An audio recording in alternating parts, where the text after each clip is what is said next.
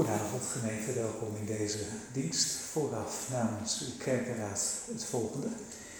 De eerste collecte is bestemd voor de eredienst, de tweede voor de schulddelging, de derde voor de predikantsplaats. Volgende week is de derde collecte bestemd voor het werk van de diaconie. De Heer zegene u en uw gaven. Aanstaande zondag hoopt de gemeente in de morgendienst het heilige avondmaal te vieren. De dienst begint dan om half tien, dus om half tien. In de middagdienst is er nabetrachting. Woensdagavond is er een themaavond, wat ook gelijk bezinningsuur voor het heilige avondmaal zal zijn. Het thema is jezelf een oordeel eten en de aanvang om half acht. En dat is dus woensdagavond. Ambtsdragersverkiezingen op de laatst gehouden kerkraadsvergadering van afgelopen zaterdag 26 november 2022 zijn met een achtneming van de ingeleverde namen door de gemeente de volgende personen in alfabetische volgorde door de kerkenraad op dubbeltal gesteld voor de jaken. Hendrik Bakker, Constantijn straat 8 en Jury de Boer, Coupure 7. De briefjes met daarop het dubbeltal liggen achter in de hal. De stemmingsvergadering zal plaatsvinden op de Evelente zondag 18 december na de morgendienst in de kerkzaal. Tot zover de afkondigingen van de kerkraad. Laten we stil worden voor de Heer en deze dienst beginnen.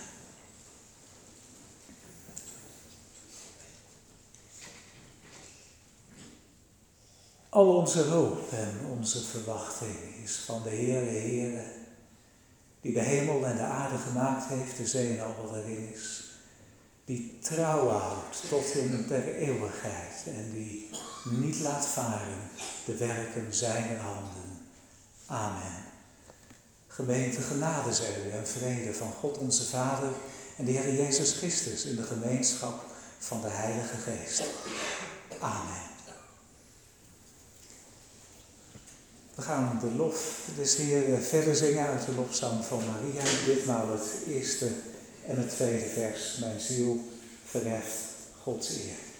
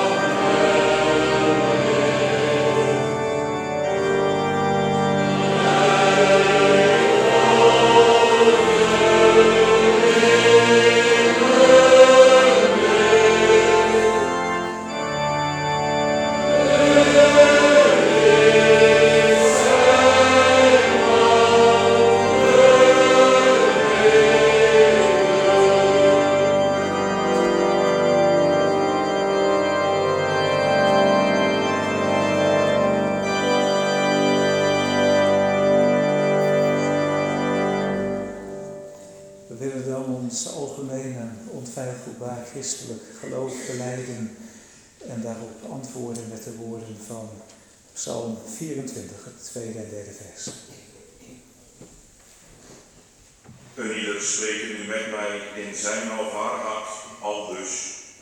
Ik geloof in God de Vader, de Almachtige, Schepper des hemels en der aarde.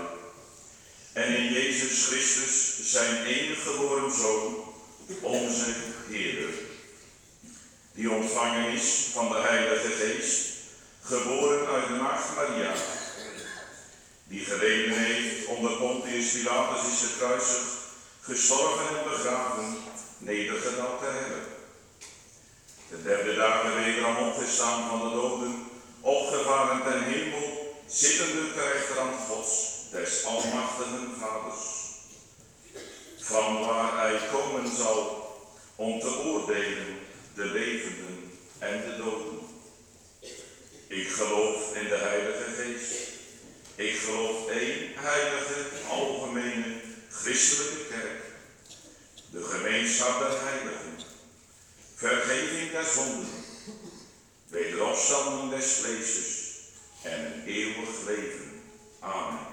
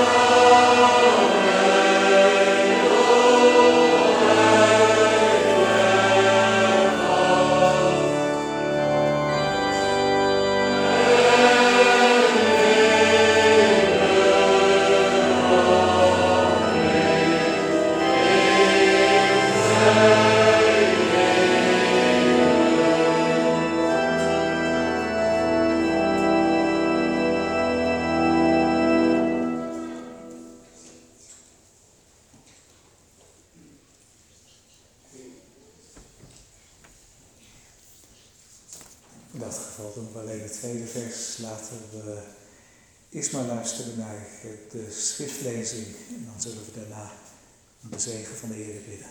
De schriftlezing is uit Matthäus 25 en we lezen het hele hoofdstuk.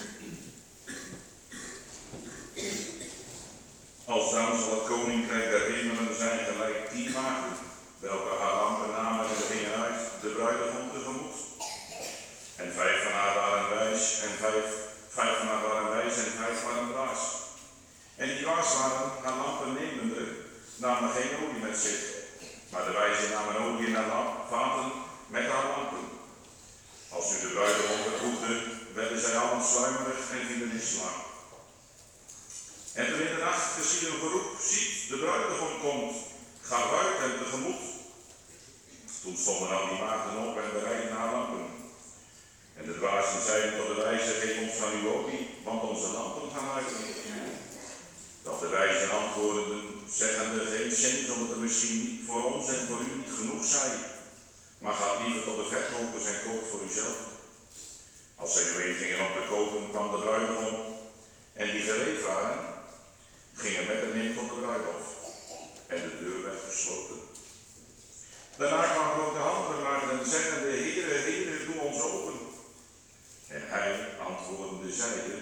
voorwaar zeg ik u, ik ken u niet. Zo waak dan, want ge weet de dag goed, nog de uren, de welke de zoon des mensen komen zal. Want het is gelijk een mens die buitenlands reizende zijn dienstknechten riep en gaf hem zijn goederen over. En de ene gaf hij vijf talenten en de andere twee en de derde één. Een iegelijk naar zijn vermogen. En verwijst terstond. Die nu de vijf talenten ontvangen had, ging heen en handelde daarmee en won andere vijf talenten. Desgelijks ook die twee ontvangen had, die won ook andere twee. Maar die het ene ontvangen had, ging heen en vroeg het in de aarde en verborg het geld zijn zieren. En na een lange tijd kwam de heer van diezelfde dienstknechten en hield rekening met hen. En die de vijf talenten ontvangen had, kwam en bracht tot een andere vijf talenten, zeggende, Heere, vijf talenten heb gij mij gegeven, zie andere vijf talenten heb ik boven dezelfde gewonnen. En zijn heer zei tot hem, wel, gij goede en getrouwe dienstknecht, over weinig zegt gij getrouw geweest, over veel zal ik u zeggen, ga in, in de vreugde Heer. En die de twee talenten ontvangen had, kwam ook tot hem en zei, de Heer, twee talenten heb gij mij gegeven. Zie twee andere talenten ik boven dezelfde gewonnen. En zijn heer zei dat hem wel, gij goed en getrouwe dienstknecht, over veel weinig zijt gij getrouw geweest, over veel zal ik u zeggen, ga in, in de vreugde Heer. Maar die het ene talent ontvangen had, en zei, Heer, ik ken u dat gij een hard mens zijt, maaiende waar gij niet gezaaid hebt, en vergaderende van waar gij niet verstrooid hebt. En bevreesd zijnde ben ik heen gegaan en heb uw talent verborgen in de aarde. Zie, gij hebt het uwe. Maar zijn heer antwoordende zeide tot hem, gij boze en je dienstknecht, gij wist dat ik maai waar ik niet gezaaid heb, en vandaar vergaderd waar ik niet verstrooid heb.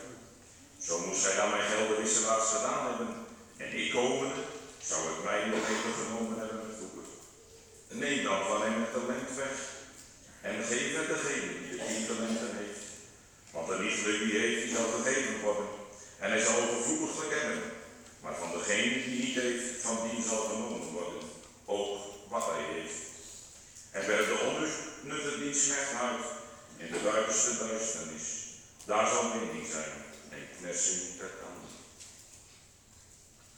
en wanneer de zoon des mensen komen zal in zijn heerlijkheid en al de heilige engelen met hem, dan zal hij zitten op de troon zijn heerlijkheid. En voor hem zullen al de volken vergaderd worden, en hij zal hen van elkaar scheiden, gelijk de herder de schapen van de bokken scheidt. En hij zal de schapen tot zijn rechterhand zetten, maar de bokken tot zijn linkerhand. Als dan zal de koning zeggen tot degene die tot zijn rechterhand zijn komt, gij gezegende mijn vaders, beherf dat koninkrijk dat wel u bereid is, van de grond der wereld. Want ik ben hongerig geweest en hij heeft mij te eten gegeven. Ik ben dorstig geweest en hij heeft mij te drinken gegeven. Ik was een vreemdeling en gij hebt mij geherbergd. Ik was naakt en gij hebt mij gekleed. Ik ben krank geweest en gij hebt mij bezocht.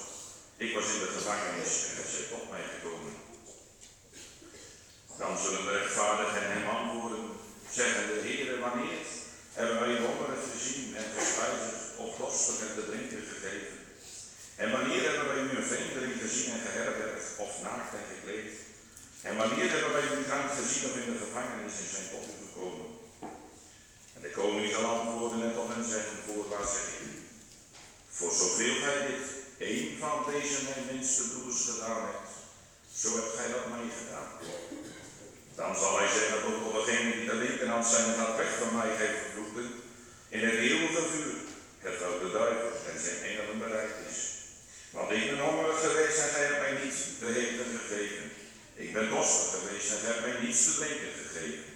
Ik was een vreemdeling en gij hebt mij niet geherbergd. Naakt en gij hebt mij niet gekleed. Kranken in de gevangenis en gij hebt mij niet bezocht. Dan zullen ook deze hem antwoorden zeggen, de Heer, wanneer hebben wij u hongerig gezien of dorstig of een vreemdeling of naakt of krank of in de gevangenis en hebben u niet gediend?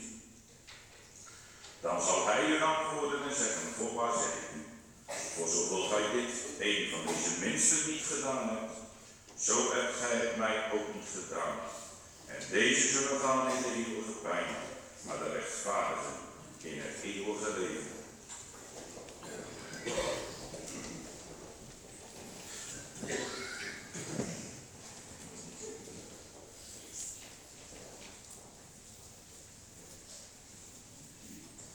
Laten we samen bidden.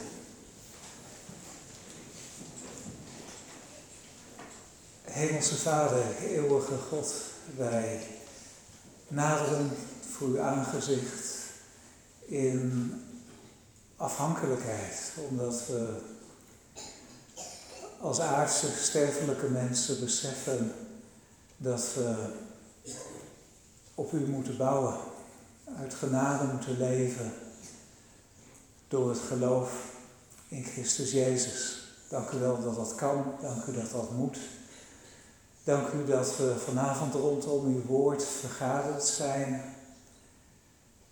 Een moeilijk woord, een ernstig woord, wat de Heer Jezus noemde in zijn prediking aan zijn discipelen. Maar wat in onze tijd van steeds minder preekstoelen klinkt. De ernst van scheiden in de toekomst, van de wederkomst van uw zoon. En dat het dan is of eeuwig verloren of eeuwig gered. En alles wat daarmee samenhangt. Heer, wilt u ons helpen bij het nadenken daarover en het ernstig nemen van de stem van uw zoon over deze zaken en ook het onderwijs van de kerk.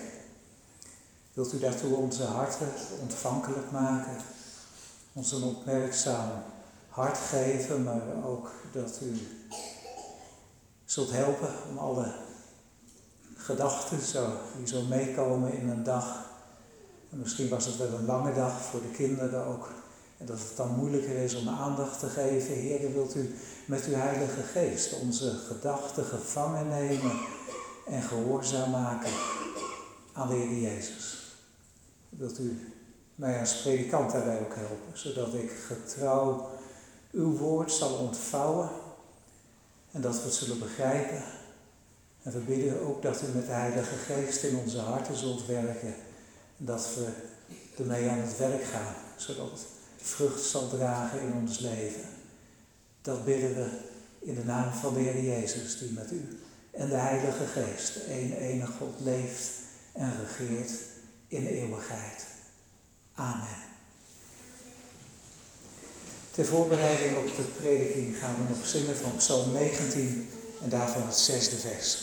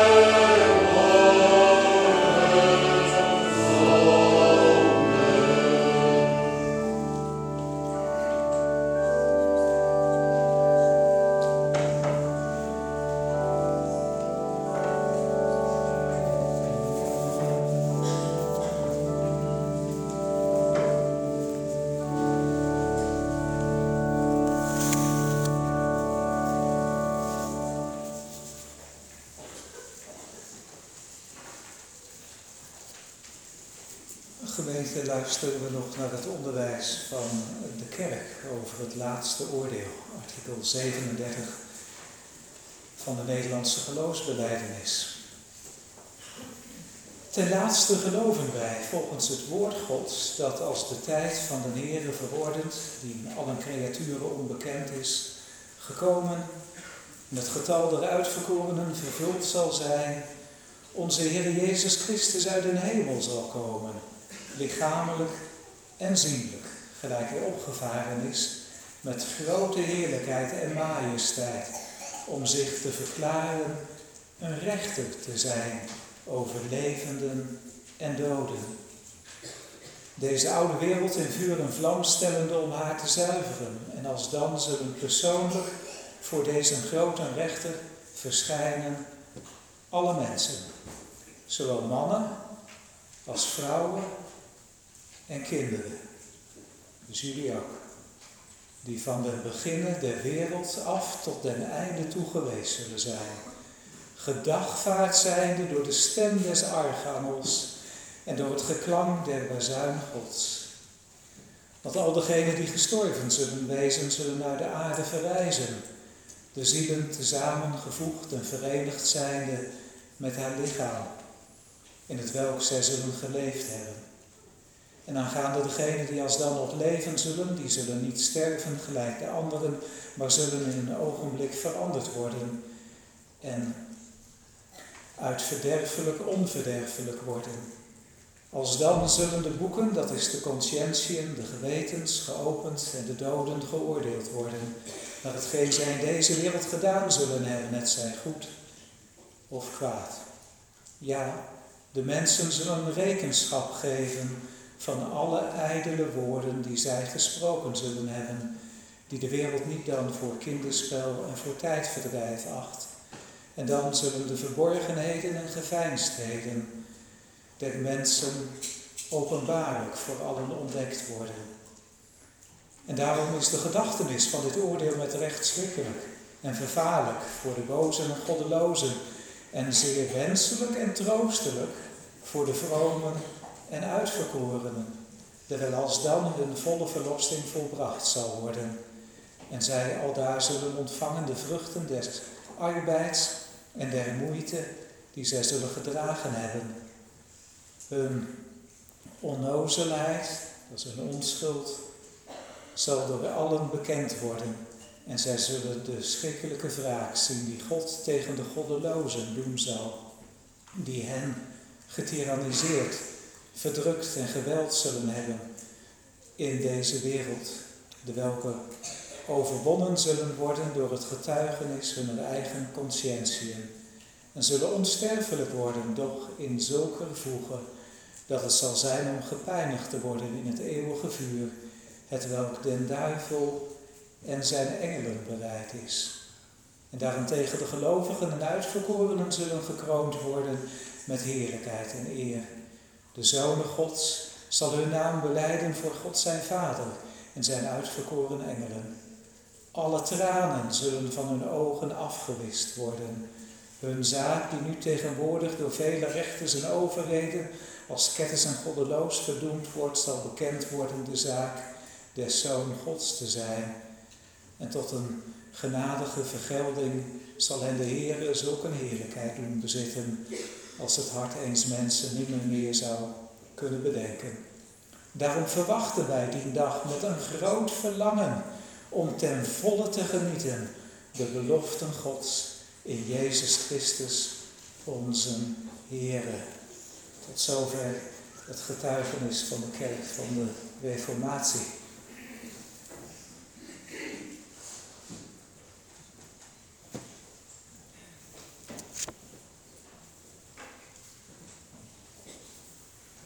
Ja, het laatste uur zal ik zegevierend ingaan.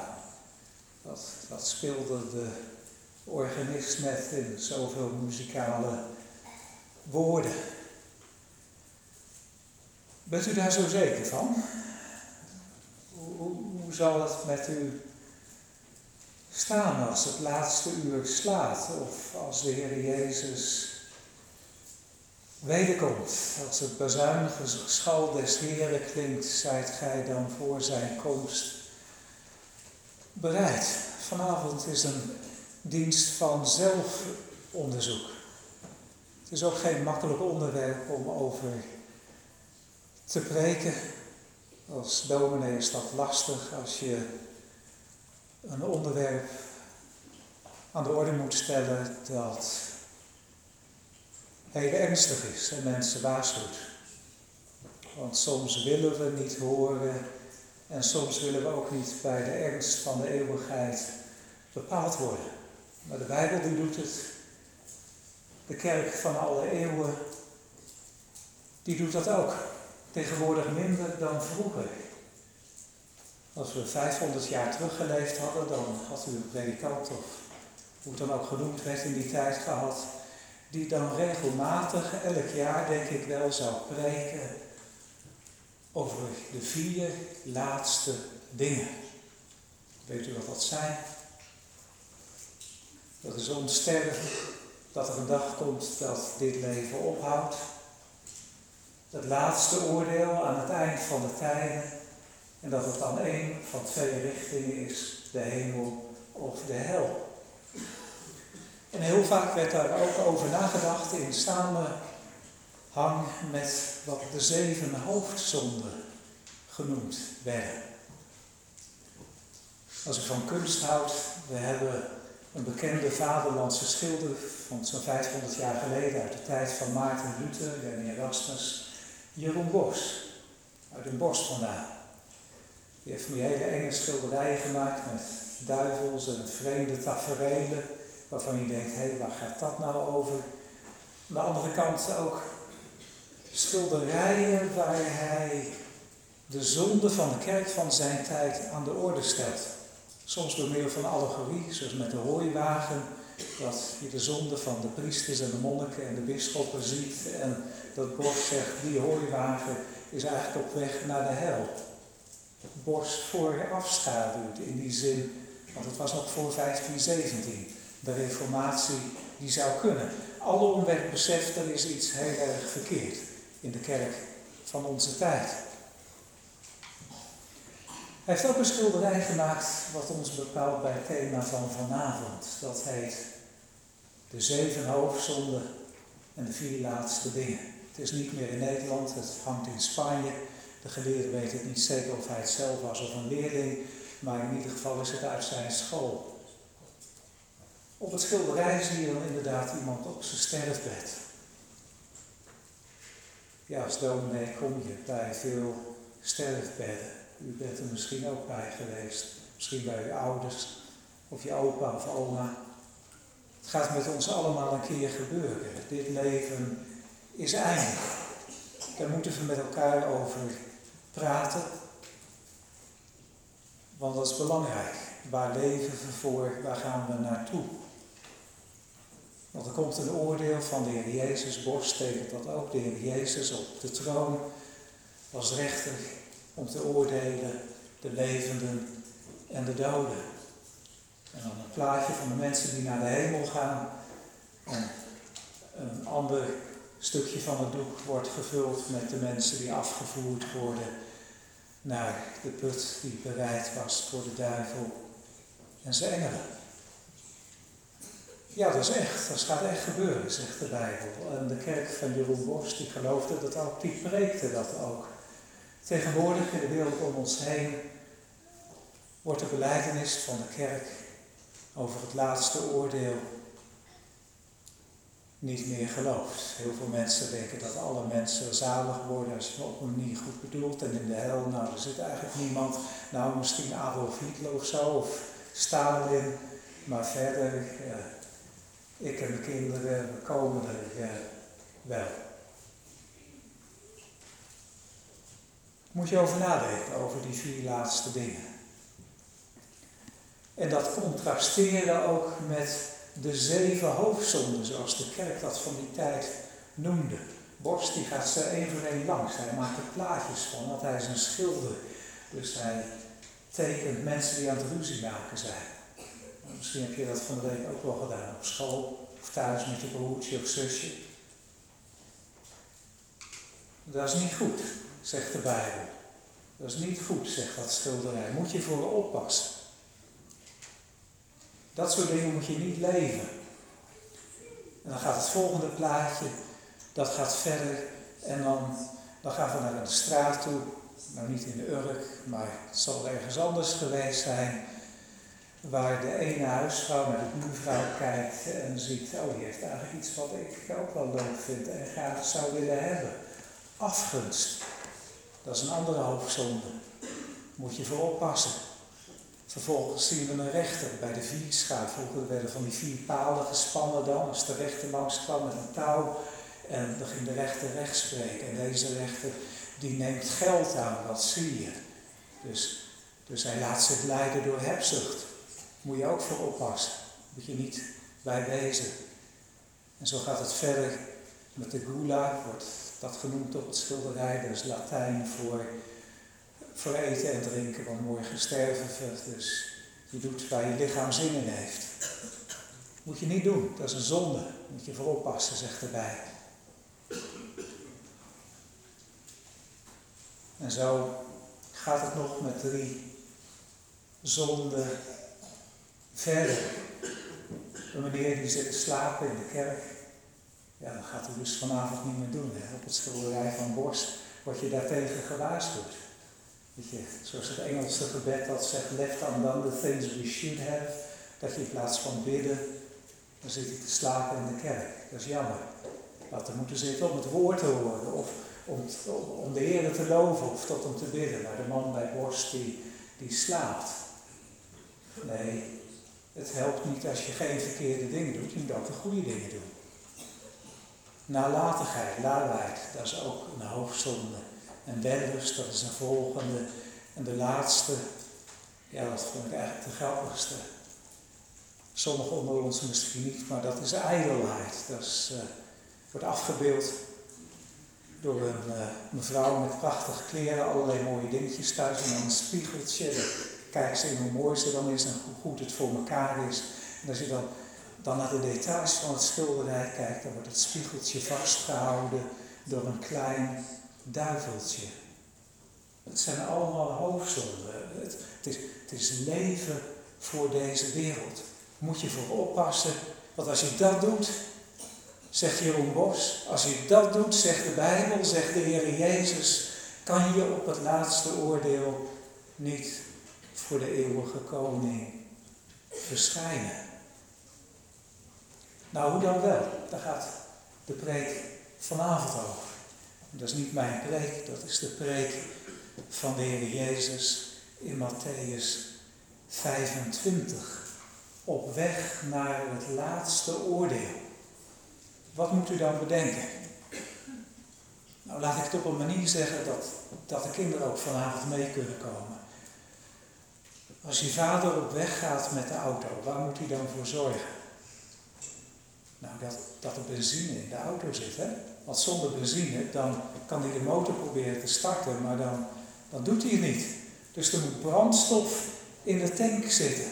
Net zoals met, met een olielamp. Misschien hebben jullie thuis ook wel een olielamp. Dan moet je eerst de olie in doen en dan het lontje aansteken en dan gaat branden.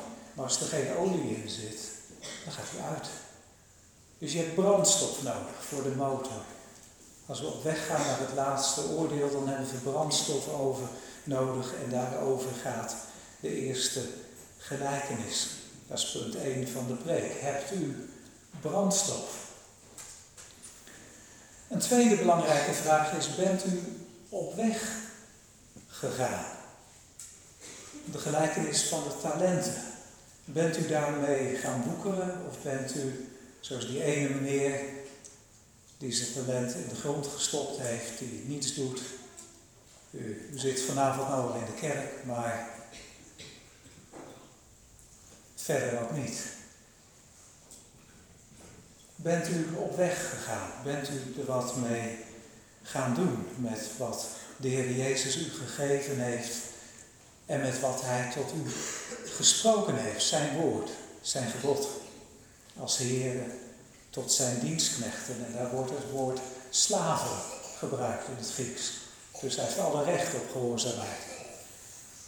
En dan als laatste punt dat beeld van het laatste oordeel met de bokken, met de schapen.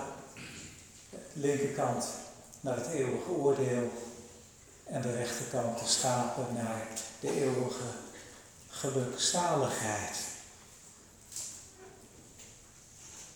En dat zou ik dan in de termen van op weg gaan met de auto willen benoemen als volgt u de juiste route en komt u dan de juiste plaatsen tegen? Of uh, als u om u heen kijkt en aan het rijden bent op uw geestelijke tocht, dan kijkt u en dan ziet u eigenlijk niet de dingen die de Heer Jezus benoemt hier in de Bijbel, maar dan ziet u de zeven hoofdzonden van de kerk van alle tijden.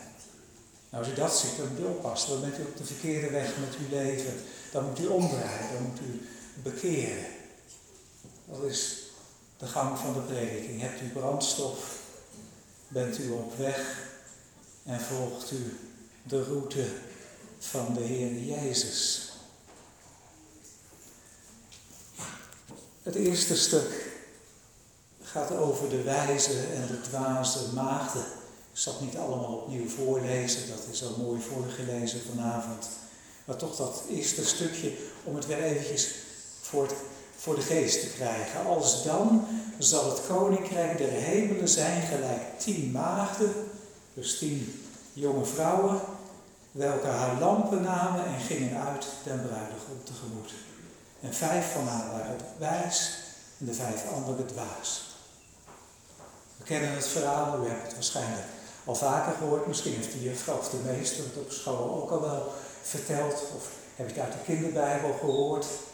Vijf meisjes die zijn verstandig. Die nemen genoeg olie mee.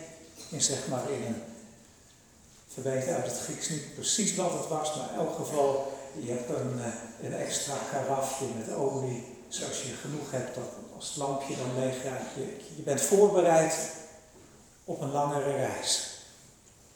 Vijf van die meisjes hadden dat gedaan. En de anderen niet. En wat is dan het verschil tussen die twee groepen? Wat maakt nou dat de ene groep wijs is en de andere verstandig? Nou, dat zit hem dan daarop vast. Niet zozeer aan de buitenkant, want ze vallen allemaal in slaap. Dat is logisch. Als het avond wordt en slaap je normaal en de bruidegom die komt pas laat. Nou, die weet dat ook. Als je laat komt als bruidegom, dan kunnen de mensen in slaap gevallen zijn. En de Heer beseft ook dat het voor ons een ander type wederkomstverwachting is dan voor sommige christenen uit de tijd van de Heer Jezus. We zijn nu 2000 jaar verder. We weten dat de Heer met spoed komt, met haast, dat hij het niet onnodig zal uitstellen. Maar het kan ook best nog enige tijd duren. Dat hoeft niet in onze generatie nog te zijn. Maar het grote verschil tussen de twee groepen is, de ene groep, die is voorbereid, die heeft olie. De andere groep heeft geen olie op het moment dat het erop aankomt. De bezuin die klinkt als het ware, de stoet van de bruidegom komt eraan. En bij de ene groep gaat het lichtje uit en de andere heeft genoeg. Dat zegt ons iets over genadetijd. We ontmoeten de Heer op zijn voorwaarden, niet op de onze. We kunnen dan niet gaan zeggen, maar oh Heer, ja, eigenlijk hebben we u wel lief en we gaan nog gauw kijken of we olie kunnen kopen. Natuurlijk willen we ons tot de Heer Jezus bekeren. Nee, met de dood is het afgelopen met de laatste bazuinklank ook. Dan helpt het niet om op een manier nog en dan te komen kloppen. Nee, dan is het eeuwig te laat. Dat bepaalt ons dus bij de angst van het laatste oordeel. Het gaat ook in tegen de cultuur van onze tijd. Want wij zijn, hebben nou die mensen hebben het geprobeerd en ze hebben toch extra moeite gedaan om nog te kopen. En dan zijn ze er en dan kloppen ze en dan zegt hij, ik heb u niet gekend. Nou, waarom niet? Om twee redenen. Ze hadden geen olie toen het erop aankwam. En ze dachten God te kunnen dienen op zijn, op, op, op hun eigen manier en niet op die van hem. Zal een God gemaakt naar eigen beeld en gelijkenis. En daarmee kom je niet in de hemel. Je moet God dienen op zijn voorwaarden en ernst ermee maken dat God zegt, je moet nu in genadetijd bekeren, anders is het voor eeuwig te laat. Er is geen herkansing bij de bezuin.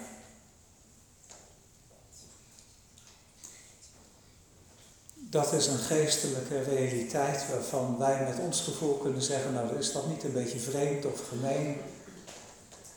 Wat wij ervan vinden maakt eigenlijk niet uit. De Heer die zegt, zo is het. Doe er wat mee. En nu hebben jullie gelegenheid om er wat mee te doen. Zorg dat je olie hebt. Wat betekent dat? Nou, dat betekent dat je voorbereid bent aan de ene kant. Maar hoe doe je dat dan praktisch? Wat betekent olie in de Bijbel? Als je daar vanuit de Bijbel symbolisch woordgebruik naar kijkt, dan betekent olie de Heilige Geest.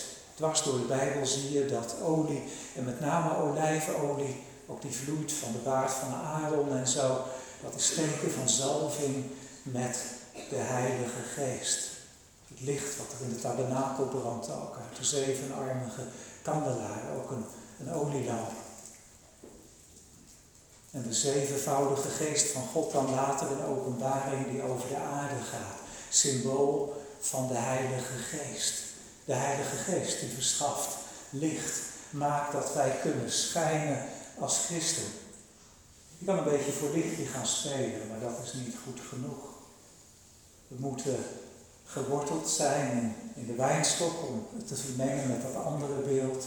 En dan moet de olie, de levensadem van de Heilige Geest, de brandstof vloeien in ons leven, zodat ons licht schijnt. Dat we vruchten voortbrengen in woord, in daad, in gedachten, in dingen die we niet doen of dingen die we juist wel doen en niet nalaten. Der bekering waardig.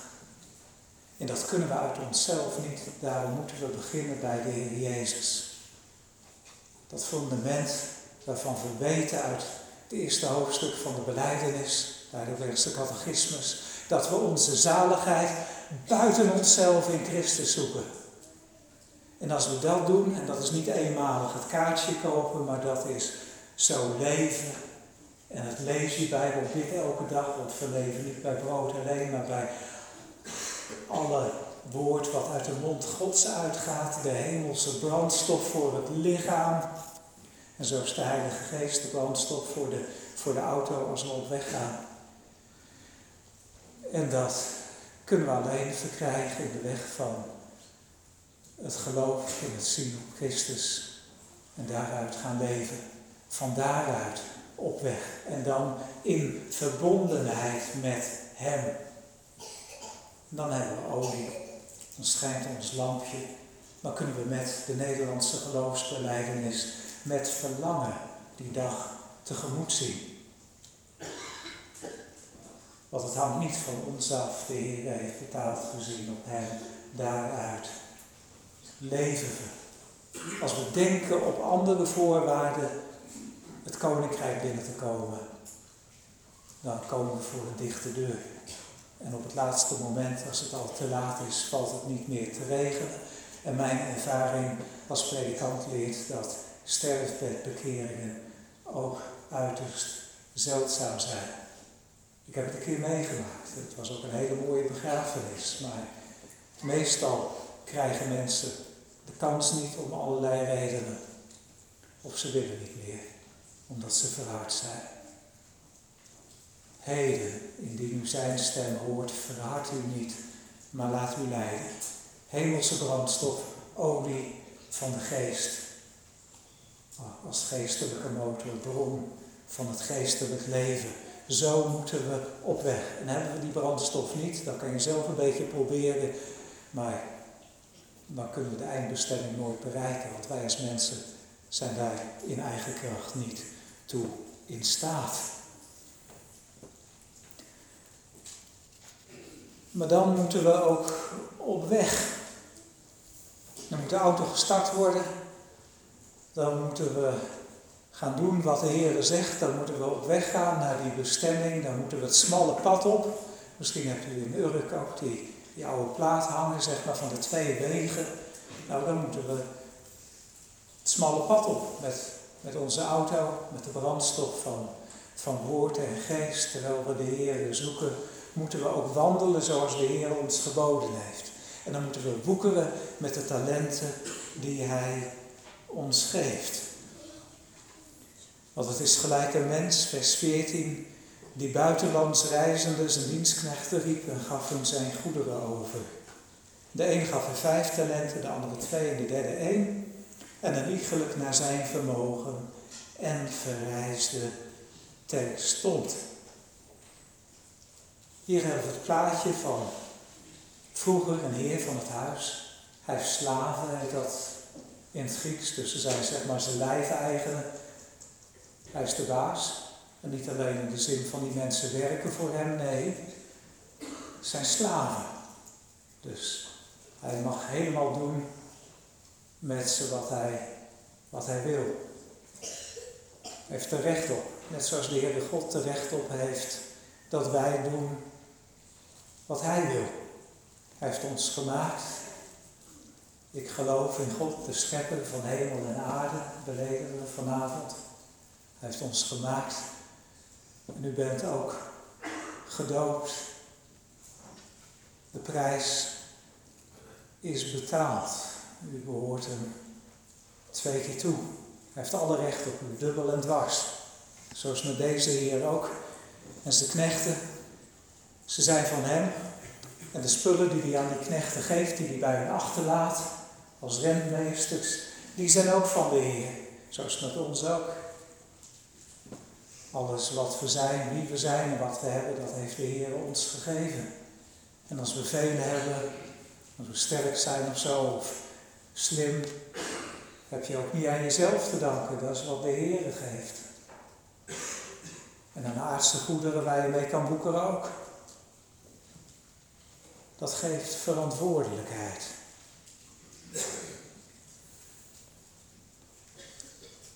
En de Heer Jezus zegt in de praktijk gaan mensen daar verschillend mee om. Ook in de kerk. En dat is gevaarlijk.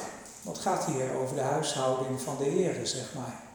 De Heer is de baas, de Heer slaven.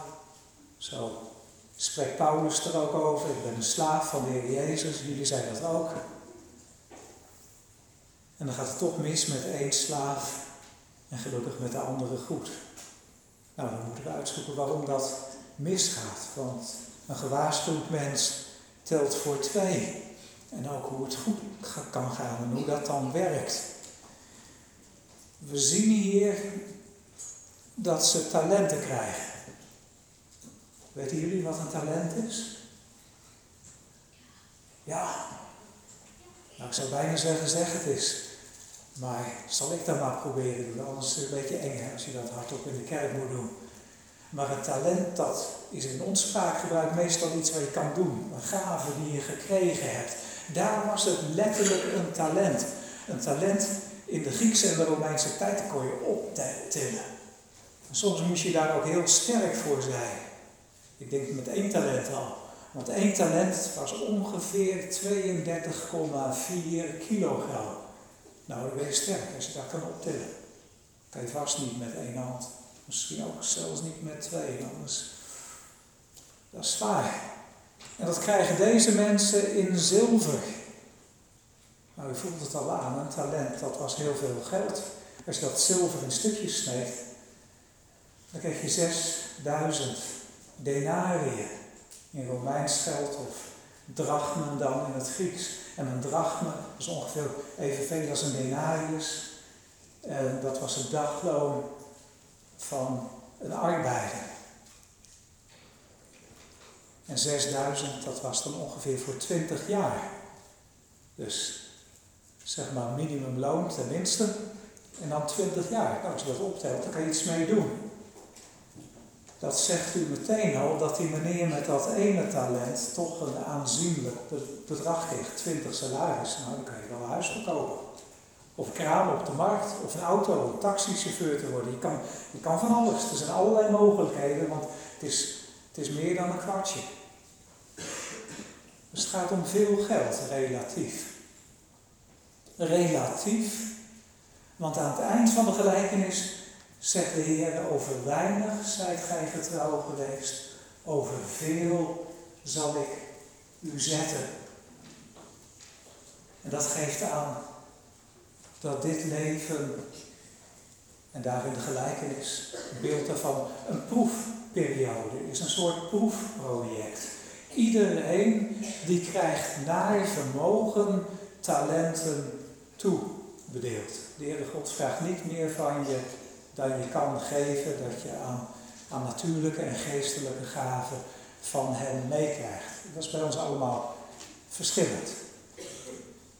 En dat maakt ook niet uit, wil ik er vanavond bij zeggen. We zouden in de verleiding kunnen komen en in de praktijk van het leven doen we dat. Dat we mensen gaan beoordelen op grond van het aantal talenten dat ze gekregen hebben van de Heere God. Dat de Heere God dan wel heel veel van iemand moet houden die, die heel veel talenten heeft. Die heel slim is, die allemaal tien haalt op school. Of die heel goed kan sporten. Maar dat de Heere God dan minder houdt van mensen die uh, mistrappen als ze op het doel schieten. Of maar net een zes halen voor rekenen en soms wel onvoldoende. Nee, de Heere God kijkt niet op die manier naar u en mij of jou. De Heere God die zegt, volgens talenten gaat hij beoordelen. Dus iemand die geestelijk gehandicapt is en niet zoveel kansen heeft om uit zichzelf rijk te worden of deze aarde of heel veel te leren, die kan toch ontzettend boekeren met de talenten die de Heere God hem geeft of haar geeft. Dat betekent niet dat de Heere God meer of minder van iemand houdt, maar dat is wat hij ons toevertrouwd heeft. En het staat in geen vergelijking tot de heerlijkheid die ons geopenbaard zal worden. Als we ingaan in de heerlijkheid van onze Heer. Over weinig zijt gij getrouw geweest. Dat zegt de Heer zowel over de vijf talenten als over de ene. Voor ons mensen is het heel veel als je 20 jaar jaarsalaris cadeau krijgt. Dan denk je, nou ik heb de loterij gewonnen. Maar voor de Heere God betekent dat allemaal niks in vergelijking tot de heerlijkheid in de eeuwigheid. Bedenk dat als u geneigd bent om op te gaan in het aardse en de zeven hoofdzonden van Jeroen Bos. Het is het niet waard. Mensen, bedenk dat we op weg zijn naar een eeuwigheid waarin er een heerlijkheid is met zoveel meer dingen die de Heere God ons kan geven en gaat geven in vergelijking met dit aardse tranendal. Dus verschillende beloning. Het gaat dan om getrouwheid. Dat is interessant. Als u het vanavond had meegelezen met mij in het Grieks, zoals ik deed in de voorbereiding, dan was u daar het woordje pistos tegengekomen. En dat is hetzelfde woord als geloof. En dat wordt hier gebruikt voor getrouw. En het Bijbel betekent het inderdaad ook allebei. Getrouw en geloof zijn keerzijden van dezelfde medaille. Als je iemand gelooft, als je waarde hecht aan zijn woord, dan ben je ook trouw. Dan vertrouw je dat woord. En dan ga je daar volgens leven. Als je het echt gelooft, dan vertrouw je het en dan doe je het. Op uw woord zal ik het net uitwerken. Dat is de gedachte die daarachter zit. En dan zien we juist dat het op het punt van geloof ook in deze gelijkenis misgaat. Je kunt in de kerk zitten, maar je kan toch de Heer niet geloven en weigeren hem op zijn woord te nemen en ongehoorzaam zijn en dan vervolgens voor eeuwig verloren gaan en dat dan de talenten die je had dan anderen toekomen. Ja, dan word je extra zwaar geoordeeld omdat je in de kerk gezeten hebt en je hebt het geweten. En je hebt preken zoals vanavond gehoord, maar er niets mee gedaan. Dat telt dan tot ons meer oordeel. We ontmoeten die ene man van het ene talent. Dan aan het einde dan komt de Heer terug.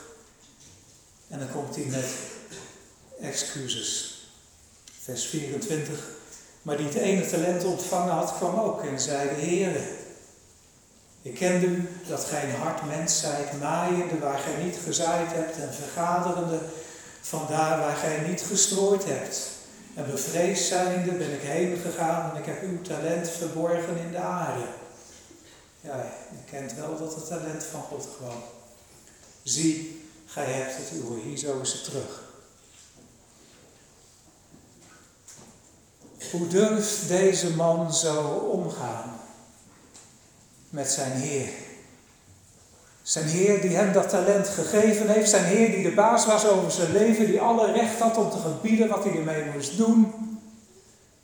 Is die ongehoorzaamheid en heeft God geweest en heeft hij nog een grote mond ook. Als de Heer komt eisen wat hem rechtmatig toekomt. Wat heb je met mijn talent gedaan? Nou, Heer, niks. Ik heb een filosofie gehad over uw woord. De Bijbel zei het wel dat ik me moest bekeren. En ik heb onder het woord gezeten. En de Heer nodigde mij tot het avondmaal. Maar ik zei: Nee, Heer Jezus, ik weet het beter dan uw woord. Ik was een ja-maar christen. U zei het wel, maar ik heb het niet gedaan, want daar had ik allerlei redenen voor. Ik weet het beter dan de Bijbel. Dat tekent deze man. Hij weet het beter dan zijn Heer. Het woord van zijn Heer had gezegd: uitgaan en ermee boekeren. Misschien is het weinig in vergelijking met anderen, maar het is wel 20 jaar salarissen. Je kan er wat mee doen. Ja, maar, zei de knecht. Hij is een harde meester en gaat ernstig oordelen. Artikel 37, Nederlandse geloofsbeleidenis, deze gelijkenis in Matthäus 25. Dus ik eh, doe niet wat de Heer zegt, ik weet het beter. Ik begraaf het in de grond dan, en dan moet de Heer tevreden zijn. Ja, dat is hij natuurlijk niet. En we worden niet geoordeeld volgens onze eigen maatstaf, maar volgens die van de Heer. En dan heeft hij niet gewoekerd met zijn talent dan is hij niet op weg gegaan. Dan had hij, en daar kwam het op neer, geen vertrouwen in het woord van de Heer. Dat dat het beste was voor zijn leven, dat hij inderdaad op het woord van de Heer zijn net kon uitwerpen en dat ook gaan doen. Geloof. Ja, we moeten wandelen in het geloof. We moeten op weg gaan in het geloof de meesten achterna. Als je het echt gelooft, dan vertrouw je het en dan doe je het ook. Deze knecht geloofde het niet, vertrouwde het niet, wist het zelf beter, belandde uiteindelijk in de eeuwige verdoemenis. Zo spreekt de Bijbel daarover. Dat contrast vinden we ook in deze gelijkenis. We zien aan de ene kant dat de Heer de zegen uitspreekt. Net zoals de aartsvaders dat deden bij hun sterven. We hebben een testament hier, je ziet er allemaal hele mooie bijbelse lijnen lopen. De tijd ontbreekt ons om daar diep op in te gaan. Maar er lopen hele mooie diepe bijbelse lijnen hier. De Heer zegent zijn kinderen. Zoals we ook gezegend worden aan het begin en het eind van de van de kerkdienst. Gij gezegenden mijns vaders. Dat, dat komen we tegen in Matthäus 25. Maar aan de andere kant ook de vervloeking voor hen die het beter weten, die de Heer ten diepste niet vertrouwen, die God willen dienen op hun eigen manier en dan hopen dat ze er komen en anders God de schuld geven dat ze niet bekeerd waren. Dat is zo jammer. Neem vanavond het woord van de Heer ernstig. Het is heden der genade. Verhard u niet, maar laat u leiden. En dat begint bij het vertrouwen van zijn stem. En, en de kerkenraad zal het u verzekeren. De Heer Jezus is een, is een goede meester die u kunt vertrouwen. Moet hem als verlosser voordat u hem onvermijdelijk tegenkomt als rechter. Dat is in de weg van het geloof. Vertrouwen. En als je het echt gelooft, dan ga je ook echt op weg. Dan kan je niet anders. Als je de verschijning van de Heer Jezus lief krijgt, dan ga je lezen uit je Bijbel, dan ga je bidden, dan ga je hem volgen, dan gaat het verdriet doen als je ongehoorzaam was aan zijn stem. En goed, dan heb je misschien 30 fout of 60 fout en vruchten. Ook al zijn het te weinig, dan zijn die er. En dat is wat voor de Heer telt. Dat je op weg bent gegaan, het smalle pad op. De juiste weg. En daarover gaat het laatste stuk van de preek. De brandstof van de Heilige Geest. Het woekeren met de talenten. En nu volgen we de juiste route. Als we met de auto rijden, om ons heen kijken, zien we dan, ziet u dan in uw leven de dingen die we hier in de gelijkenis gelezen hebben, ik ben hongerig geweest en gij hebt mij te eten gegeven. Ik ben dorstig geweest, gij hebt mij te drinken gegeven. Ik was een vreemdeling en gij hebt mij geherbergd. Ik was naakt en gij hebt mij gekleed. Ik ben ziek geweest en gij hebt mij bezocht. Enzovoort. Is dat de omgeving van het geestelijk leven, van uw, uw pelgrimstocht? Ziet u dat soort dingen onderweg?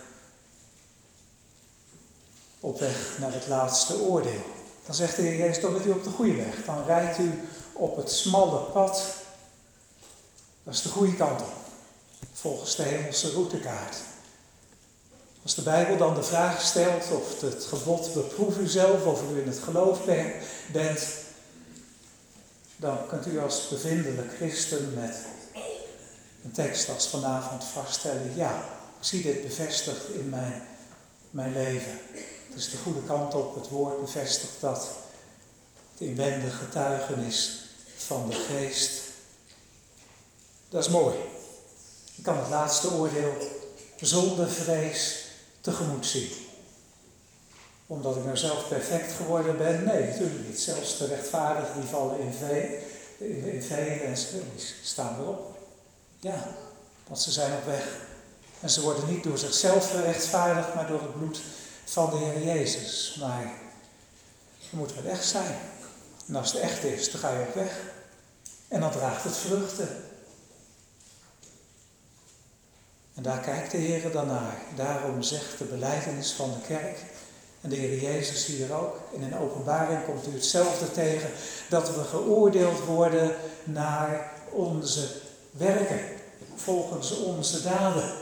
Dat betekent niet dat we met onze daden de hemel verdienen. Nee, dat betekent dat geloof onvermijdelijk vruchten heeft. En dat als die er niet waren, dan was het geloof dood. Dan was er geen olie. Dan was er geen vrucht en de kering waardig. En de Heer gaat daar naar kijken. We zien dat in andere gelijkenissen, zoals die van de vijgenboom, die in bladeren vindt. Nou, dan kan je geduldig wezen een tijdje, maar als het dan bij het laatste oordeel niet is, wat uit liefde voor Jezus gedaan was, dan is het voor eeuwig verloren, geoordeeld volgens onze werken. De Heere kijkt naar vrucht. Moeten wij als bevindelijke christenen ook doen. En wat voor soort vrucht dan? Want we zouden dan gemakkelijker kunnen gaan denken, oh, zoals we hier in christelijk Nederland soms daarmee omgaan, hoe dat is een meneer die heel bekend is. Een heel bekende pianist misschien wel, en die is christen, zoals meneer Weinberg in het verleden. Nou, dat is, Dat, dat, is mooi. De God die zal hem dan wel belonen in de eeuwigheid. Of uh, zeg maar een bekende politicus in de Tweede Kamer die dingen doet voor de Heer Jezus. Nou, die zal ook wel beloning krijgen. En uh, misschien zit het met een dominee op de preekstoel dan ook nog wel goed, want die doet ook dingen voor de Heer Jezus. Nee, gemeente, dat is een hele manier, verkeerde manier van kijken. Dat is niet het soort van dingen die de Heer Jezus vanavond noemt bij het laatste oordeel. Hij noemt hele andere dingen. Jaren geleden was ik predikant in een verpleeghuis. En daar hadden we een hele oude dame, die kwam uit Engeland vandaan. Mrs. Ethel Dan heette ze. Haar geheugen was niet meer zo goed. Maar die verse keer als ze me tegenkwam, dan herinnerde ze me aan deze woorden in Matthäus. Dat wat u voor de minste van deze mijn broederen gedaan hebt, dat hebt u aan mij gedaan. Hele eenvoudige dingen. Geen universitaire graden, geen miljoenen verdienen, niet bekend worden. Nee, juist in het verborgene. Gevangenen bezoeken, zieken bijstaan. Hongerig geweest, mij te eten gegeven, dorstig geweest, gij hebt me te drinken gegeven. Vreemdeling, gij hebt mij geherbergd. Ja, dat soort teksten worden in onze tijd natuurlijk ook wel misbruikt. Ik zou erbij willen noemen dat we verschillende verantwoordelijkheden hebben naarmate de positie die we bekleden in de samenleving. Er zijn mensen in onze tijd die op grond van een tekst als deze zetten dat Nederland een open asielbeleid moet hebben. Daarvan, daarover zou eens een andere preek moeten houden, maar dat is niet wat deze tekst zegt. Je moet ook als huisvader verantwoordelijk zijn met welke vreemdelingen je in je huis toelaat. Je gaat geen boef in je huis toelaten die gevaarlijk kan zijn voor je vrouw en kinderen. Nee, dat moet met verantwoordelijkheid. Maar in algemene zin en zeker binnen de gemeente des Heren, binnen de kerk, binnen de huisgenoten van het geloof geldt dit. Wat je aan de minste van de broers van de Heer Jezus gedaan hebt. En wie zijn dat? Nou, dat zijn de mensen onderweg vanavond in de kerk, de broeders, de zusters, de kinderen, de jongens en de meisjes. De kinderen van het verbond horen er allemaal bij. En zo moeten we leven. In de mate dat we elkaar zien staan, vervullen we dit gebod van de Heer Jezus. Naaste liefde zijn naaste lief hebben zoals wij zelf. En dan ontmoeten we de Heer Jezus als het ware in de mensen naast u. De kerkbank. Of de andere hier op Urk waar u van weet. In de kleine dingen, de verborgen dingen. Dat is waar de Heer naar kijkt. Want in vergelijking met de heerlijkheid die ons geopenbaard zal worden, is het allemaal maar zo klein. Ook onze hele zogenaamd grote aardse talenten in de ogen van mensen. Nee, waar liefde woont, gebiedt de Heere zijn zegen. Dan zullen ook deze hem antwoorden en zeggen, Heer, wanneer hebben wij u hongerig gezien of dorstig, of een vreemdeling, of naakt of krank, of in de gevangenis en hebben u niet gediend? Ja, als we het nou niet gedaan hebben, dan zal hij hun antwoorden en zeggen, voorwaar zeg ik u, voor zoveel gij dit niet één van deze minste niet gedaan hebt, zo hebt gij het mij ook niet gedaan. Dat zet ons even stil. Want je zou nog kunnen denken, nou, als je op ander vlak maar goede dingen doet en woekert met je talenten en uh, je tekentalent gebruikt hebt en je rekentalent en zo. Nee, nee, zegt de Heer Jezus, dat is niet goed genoeg van mij. Het gaat er mij om dat je je talenten gebruikt in dienst van mijn koninkrijk. Wat is dat? Dat je dan, als je schildert, dat doet zoals meneer Jeronimus Bos. Dat je een boodschap doorgeeft aan mensen die ervoor zorgt dat ze met de Heere God gaan leven. Of stilgezet worden, of iets moois zien van zijn schepping en daardoor de Heere loven. Dus je kan inderdaad met, met schilderen het zo doen. Maar dan is dat in het verlengde van God liefhebben boven alles en je naast als jezelf. Daar gaat het om. Dat kan met de zieken bezoeken. Dat kan op allerlei manieren. Dus het is heel waarschijnlijk dat we in de hemel meer dan één verrassing krijgen. Niet alleen met mensen die we misschien verwacht hadden en ontbreken. Maar ook met mensen die op aarde schijnbaar heel onbelangrijk waren en misschien wel geestelijk gehandicapt en in een verzorgingstehuis en bedlegerig en in termen van deze tijd eigenlijk een beetje een last voor de samenleving. Ja, zo durven wij daar zelfs over spreken. Schandelijk is het dat we dat durven. Maar juist, we zouden het moeten weten uit de lofzang van Maria. De Heer die ziet het nederige aan en hij verhoogt het. Want dat is hoe de Heer werkt, niet door kracht, door geweld, maar, maar door zijn geest. Dus zorg dat u olie hebt. Krijgt u niet bij uzelf. Smeek de Heer.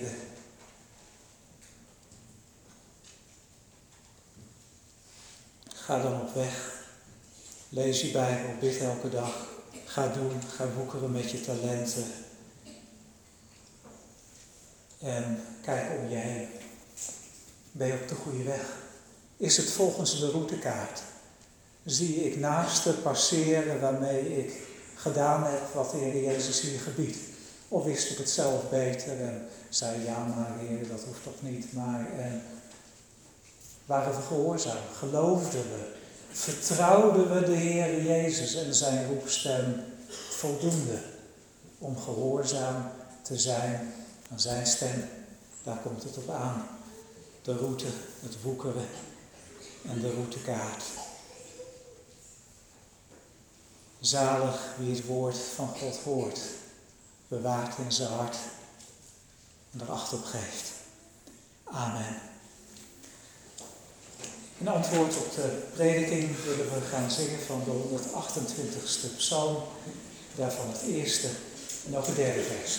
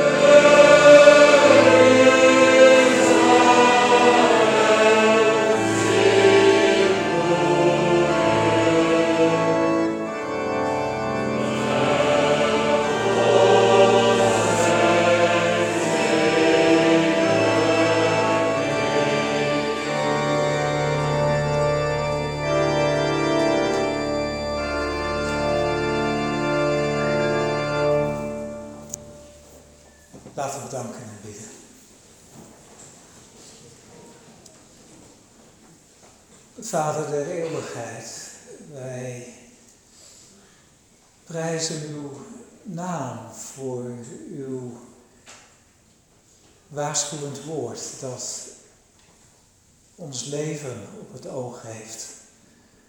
Dat ons vanavond bepaalde bij het feit dat we in genadetijd leven. Op weg naar de jongste dag, het laatste oordeel dat gaat komen. Heer, we zijn bepaald bij ons sterfelijk lichaam, de vloek die op deze wereld rust. Maar God zij dank, het is een tijdelijke vloek die weggenomen is door onze Heer en Heiland, de Jezus Christus. Zijn roepstem mocht vanavond klinken. Heer, we danken u dat uw zoon een goede meester is die ons vertrouwen waard is, omdat zij, hij zijn leven gaf tot een rantsoen voor velen. Zijn leven zette voor zijn vrienden. Heer, dank u dat het kan en dat het mag. Uw woord vertrouwen. Help ons onze eigen wijsheid te doorbreken. Dat we niet onze, onze zaligheid bouwen op onze eigen filosofie, onze eigen verstand, onze eigen beter weten. Maar dat we onze zaligheid buiten onszelf in Christus zoeken. Zijn stem werkelijk leren vertrouwen. En dan uitgaan en volgen. En zien dat het werkt. En dat de routekaart en de wereld om ons heen dan toch eigenlijk veel beter uitziet dan de hoofdzonde van het schilderij van Jeroen Bos.